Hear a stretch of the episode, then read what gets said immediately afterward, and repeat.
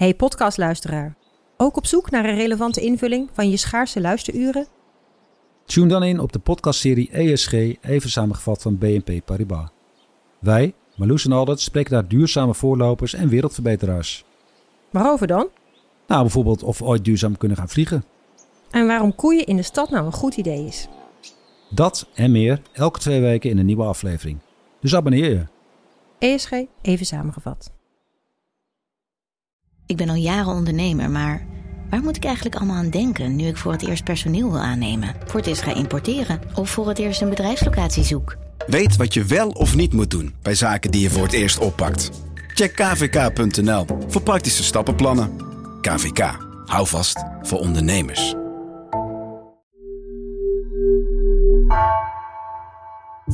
Vanaf de redactie van NRC het verhaal van vandaag.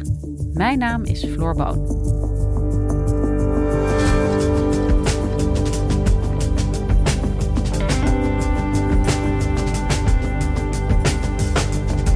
De Filipijnen kiezen vandaag een nieuwe president. Favoriet is Ferdinand Bongbong Marcos Jr., zoon van de beruchte dictator Ferdinand Marcos. Onder zijn schrikbewind in de jaren 70 vonden vele duizenden mensen de dood. Zuidoost-Azië-correspondent Saskia Konniger legt uit hoe een land zijn bloedige verleden kan vergeten. Betekent dit ook het einde van de democratie?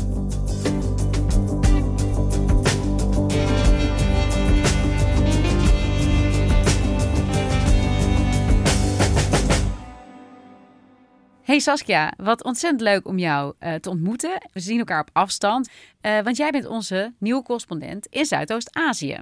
Ja, nee, insgelijks. Ik vind het ook heel leuk om jullie te horen en jou hier op mijn schermpje te zien. Heel even. Ik ben begonnen in maart en ik ben dus op reis geweest naar de Filipijnen, want uh, ja, vandaag zijn daar de verkiezingen. Ja, de verkiezingen. Zijn dat presidentsverkiezingen? Nou, er is een hele grote bulk van uh, posities die uh, verkozen kunnen worden. Ook allerlei regionale posities, vicepresidentsverkiezingen en de presidentsverkiezingen. Dat zijn hele belangrijke, brede verkiezingen. Ik ben geweest in hoofdstad uh, Manila en naar de sloppenwijk Tondo. En, nou, en hoe ziet zo'n sloppenwijk eruit? Ja, het zijn golfplaten, het is er is geen privacy. Uh, mensen hè, met de zeil dekken ze een klein hutje af waar ze dan met zes mensen wonen. En mensen zaten allemaal buiten, want ja, ik ben ook al binnen geweest, maar het is niet te harde, zo warm. En er is gebrek aan alles. En dat leek mij een goede plek, want 75% van het electoraat zijn de armsten van uh, de Filipijnen. En ik wilde weten, ja, een beetje aanvoelen waar, waar hun stem naartoe zou gaan. En ik hoorde ook overal het verhaal van een Talano-schat. Dat is een uh, oude Filipijnse legende. Uh, die legende gaat al decennia rond in de Filipijnen, maar die was nu weer aangehaald en speelde een rol in deze verkiezingen. Mensen waren er namelijk van overtuigd dat die schat, want er zijn twee versies, een oude Spaanse familie uit de 15e eeuw, die zou die schat hebben verstopt in het eiland. En een andere versie is van een Japanse generaal die in de Tweede Wereldoorlog roofbuit, uh, gouden beelden en dergelijke verstopt zou hebben. En op een of andere manier zou de Marcos-familie, de familie van de populairste kandidaat, Marcos Junior en BBM wordt hij door de meeste mensen genoemd, of Bongbong, dat is zijn bijnaam, zou hij dat in handen hebben. En als je op hem zou stemmen, dan zou iedereen 10.000 pesos krijgen. En dat is ongeveer 180 euro. Nou ja, mensen die zo arm zijn. Ze wisten ook niet of ze het echt moesten geloven, maar ja, door allerlei beloftes die gedaan worden, uh, ja, denken mensen, nou ja, ik ga stemmen op degene die, waar ik het beste bij af ben. Ja, dat klinkt sprookjesachtig en zelfs bijzonder misleidend. Een presidentskandidaat die een schat belooft. Maar die achternaam, Marcos, die is zeker niet onbekend in de Filipijnse geschiedenis. Sterker nog, er zit een bloedig randje aan. Wie was Ferdinand Marcos ook alweer? Bongbong junior is uh, de zoon van Ferdinand Marcos. En hij was een notoire dictator. In 1965 aan de macht gekomen via verkiezingen. En uh, het begon allemaal wel redelijk sprookjesachtig. Hij was getrouwd met schoonheidskoningin Imelda. Ze had naar verluid duizend uh, schoenen. She stunned the world by buying 1200 pairs of shoes whilst her country languished in extreme poverty. As First Lady, I have to flaunt practically flaunt love and beauty so that uh, the 50 million Filipinos will see what is to love and what is to positively feel and what is perfection. Ze gingen uh, ja, heel glamorous ook vooral van start. En bij een herverkiezing die hij dreigde te verliezen, besloot Marcos in 1972 om staat van beleg uit te roepen. En dat was eigenlijk de start van een dictatuur. Er waren, was al onvrede. Hij ontpopte zich ook steeds meer als een onderdrukkende heerser. Maar uh, ja, toen heeft hij het parlement opzij gezet en heeft hij zich allerlei machten toegekend. En uh, nou ja, in die periode zijn 70.000 mensen gevangen genomen. Ja, een van de mensen die ik in Manila heb opgezocht is uh, Etta Rosales. Zij is een van de prominente activisten van 1986 en is destijds opgepakt tijdens een demonstratie en heeft gruwelijke martelingen ondergaan. I was already 37 years old. Yeah, I was an adult. En zij vertelde dat zij dus werd opgepakt, ze werd um, opgesloten en met regelmaat werd zij gemarteld. Tijdens die martelingen kreeg zij een blinddoek voor. En het waren jonge soldaten. En, en daar had ze overdag een soort van goede band mee. Want um, ze hadden ook wel respect voor haar. Ze was docent. Ze gaf uh, wat lessen over geschiedenis. De jongens wilden ook wel leren. Het waren uit achtergestelde gezinnen. And they said, when finally they finished with my torture and everything, Mom, can you continue? Can, I, can we continue with our history class? En toen zijn tienduizenden mensen zijn gemarteld op de meest gruwelijke wijze. Duizenden mensen zijn gedood, dissidenten, mensen die in opstand kwamen. En uh, dat heeft vrij lang geduurd, tot 1986, was echt een schrikbewind. En de borrelde natuurlijk al een tijd. Is, uh, dat is een roemrijke revolutie die, oh, die destijds op alle tv-zenders is uitgezonden. Uh, honderdduizenden mensen gingen op straat. Het bewind van de Filipijnse president Marcos is de afgelopen 24 uur nog meer aan het wankelen. Op een gegeven moment is het leger had er ook genoeg van. En op een beroemde brug in Manila heeft het leger destijds uh, geweigerd orders uit uh, te oefenen. Toen heeft de kardinaal van Manila, die veel macht hebben, want het is een christelijk land. Dus de kerk is zeer machtig nog steeds. De kerk heeft toen opgeroepen om die, die uh, dissidente soldaten te steunen. En toen is en masse is de bevolking uh, op straat gegaan om die soldaten te steunen. May he, the Lord of justice, the Lord of peace, be with us in our striving for that good. And may the Blessed Virgin Mary, the Queen of Peace and patroness of our country, assist us in this time of need. En uiteindelijk is het dus een massale, geweldloze revolutie geweest. Um, de Amerikanen hadden ook een vinger in de pap, want er, was, er hadden goede banden met de Amerikaanse overheid. En die zijn toen ingevlogen met helikopters en hebben toen Imelda en Marcus en de familie naar Hawaii gebracht. Een banningsoord waar ze tot de jaren negentig zijn verbleven. En um, voor heel veel anti-autoritaire activisten was ook dat destijds heel hoopvol. Dat je dus door ja, door je stem te laten horen een dictator van de troon kon stoten. Maar bij hun verlaten hebben ze tussen de 6 en de 10 miljard dollar meegenomen. En nou ja, met het vertrek van Marcos in 1986 brak voor de Filipijnen nieuwe tijden aan. De democratie kwam terug. Er was weer hoop. Een nieuwe president werd verkozen. En uh, ja, jarenlang eh, is ze dus een mooie democratische natie geweest dat is niet altijd vanzelfsprekend hè, dat een democratie terugkeert naar zo'n lange periode van autoritair bewind. En al helemaal niet dat dat uh, ja, vlekkeloos verloopt. Ging dat makkelijk in de Filipijnen?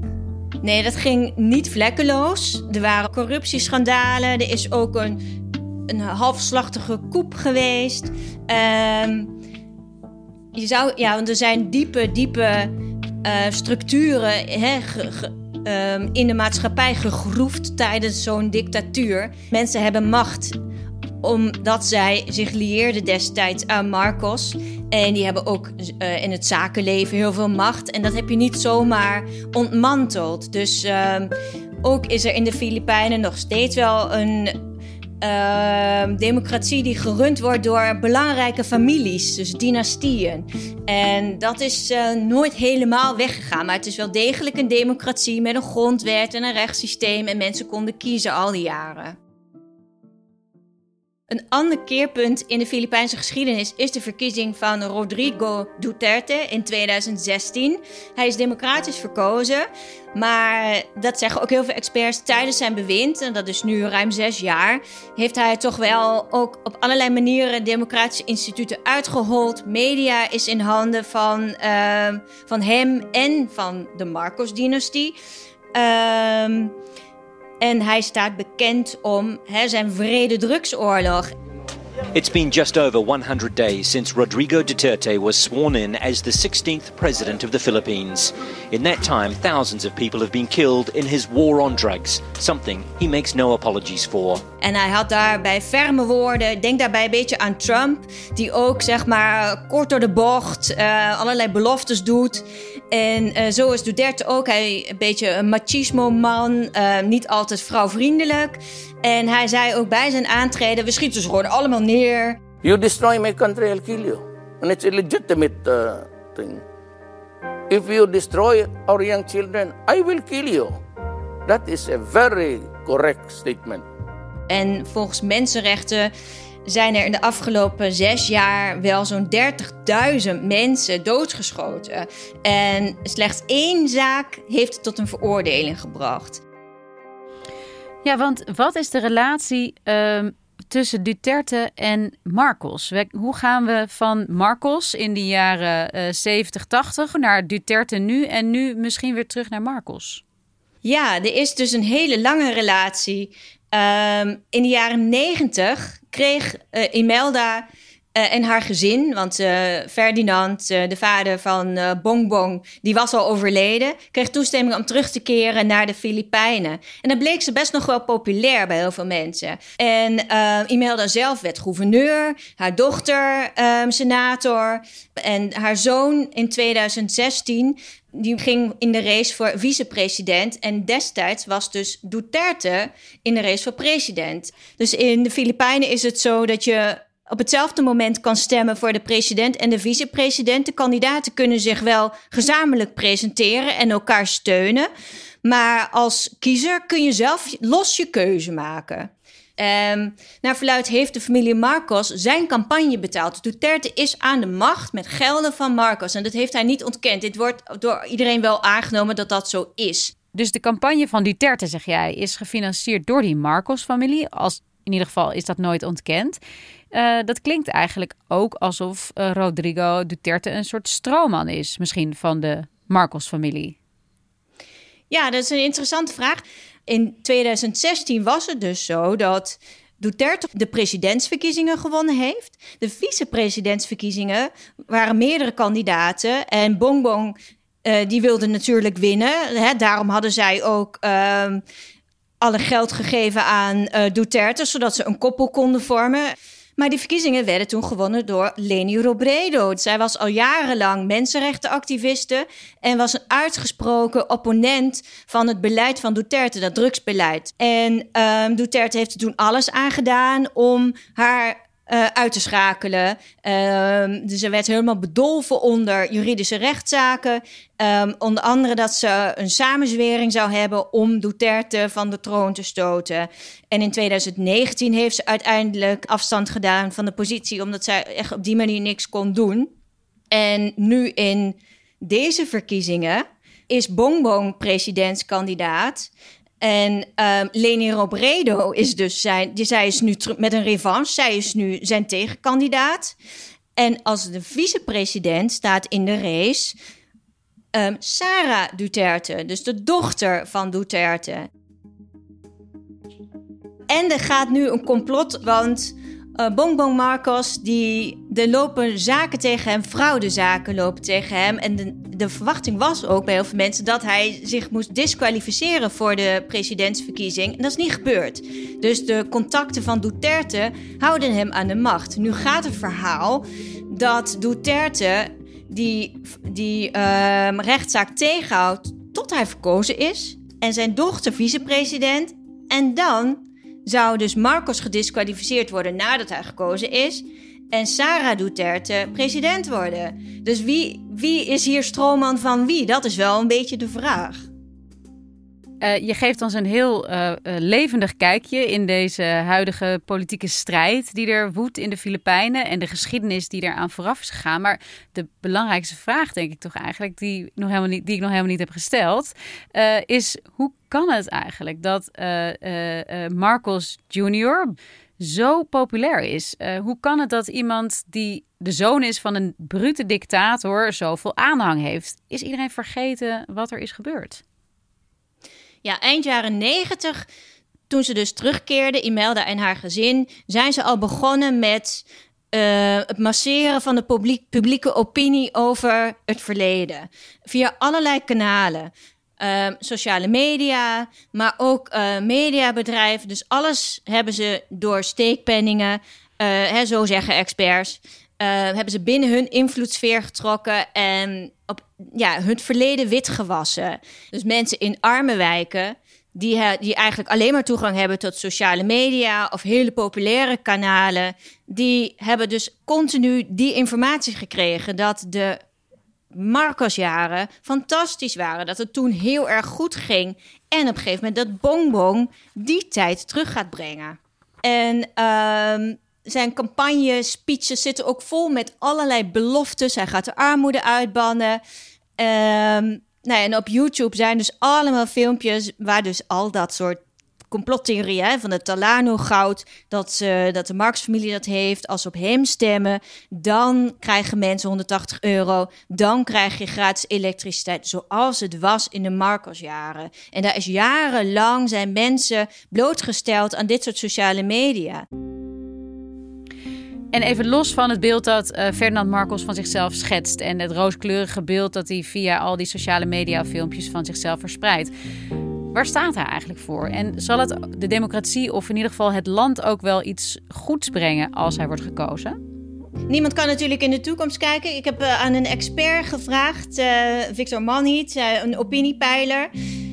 En hij was tot mijn verbazing eigenlijk redelijk mild over Ferdinand Marcos. Hij zei ook van ja, hij, is, hij, wordt ook wel, hij staat bekend als een aardige kerel. Hij is ook niet iemand die extreme misdaden heeft gedaan of wandaden. Dus zei, ja, laten we hem een kans geven.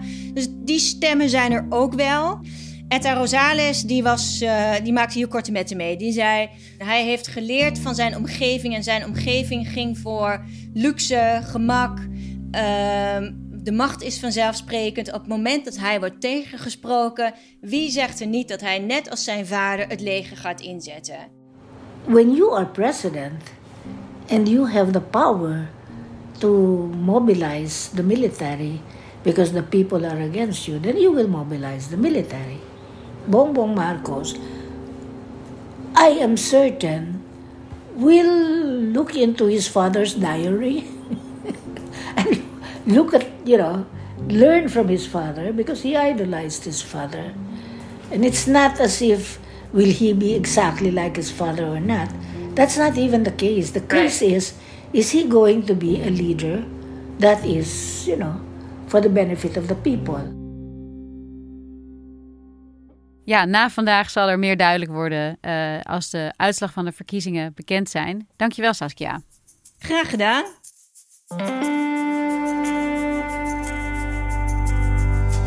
Je luisterde naar vandaag, een podcast van NRC. Eén verhaal, elke dag. Deze aflevering werd gemaakt door Allegria Ioannidis, Dirk Hooyer en Marco Raaphorst. Dit was vandaag. Morgen weer.